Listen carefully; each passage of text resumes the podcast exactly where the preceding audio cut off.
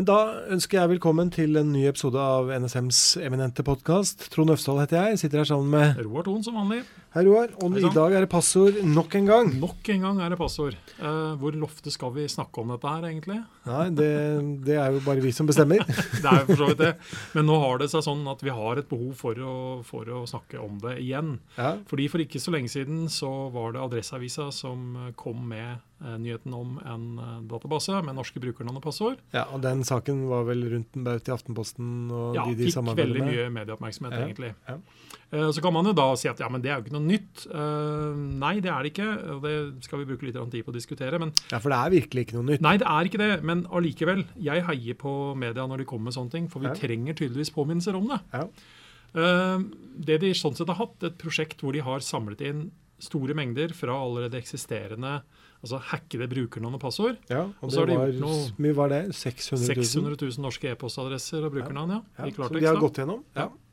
Og det har de systematisert litt. Og sånn, så de har Mm. vist fram eh, hvordan eh, alt fra høyere offiserer til politimestere bruker eh, og skriver hvordan de lager passordene sine. Ja, så her har trønderne gjort en grundig jobb. Her har, det, her har de gått grundig til verks, og de skal all ære av det. altså. Mhm.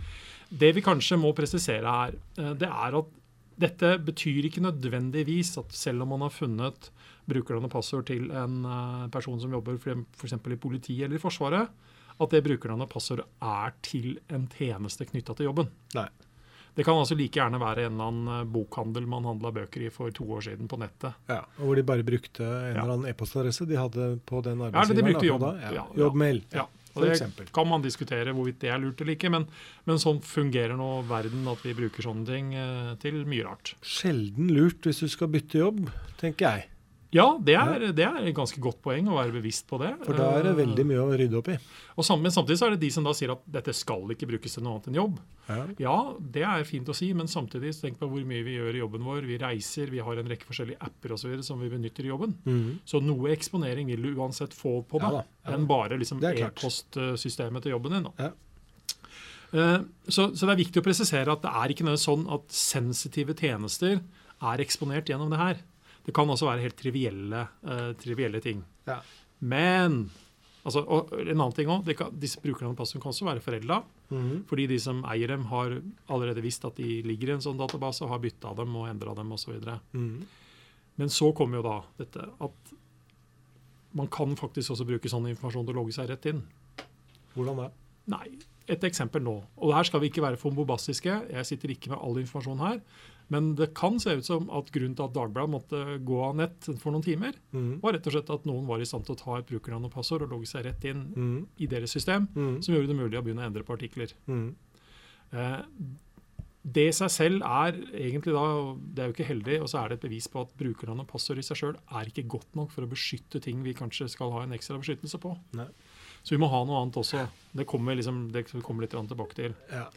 Men altså Det det også viser, det er jo kort og godt at hvordan folk faktisk lager passordene sine. Mm. Så det viser jo faktisk litt hva både tjenester tillater. Når de tillater nærmest bare Otto 1966, så Mhm. er kanskje ikke akkurat det det sterkeste passordet. Nei. Så man burde ha krevd noe annet. Ja. Og så er det grenser for som vi har om tidligere, hvor kompleks sånne ting egentlig skal og bør være. Mm. Og så er det én ting som er viktig her. Den enkelte personen kan ikke klandres for å havne i en sånn database. Altså Jeg har vært ute i media denne saken, og jeg gjorde et poeng at jeg også befinner meg i en sånn database. Mm. Og det er ikke for å unnskylde meg selv, mm. men man må forstå hvordan verden fungerer. Mm. At det er et brukernavn og passord jeg har lagt igjen et sted, Ja, ja. og det er den tjenesten som er hacka. Mhm. Det er der den informasjonen kommer ifra, Mhm. og det er utenfor min kontroll. Eh, Men igjen, det beskriver sånn sett at vi ikke er, det er ikke godt nok til å passe på det mest eh, kanskje viktige vi har. da.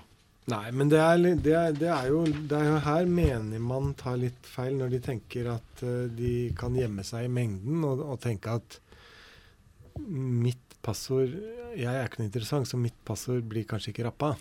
Ja, nei, altså man må rett og derfor så kan jeg ja. ha samme passord Ja. overalt. Og det er klart at Når du da har det samme passord overalt, og det ender opp på sånn datapasse, ja.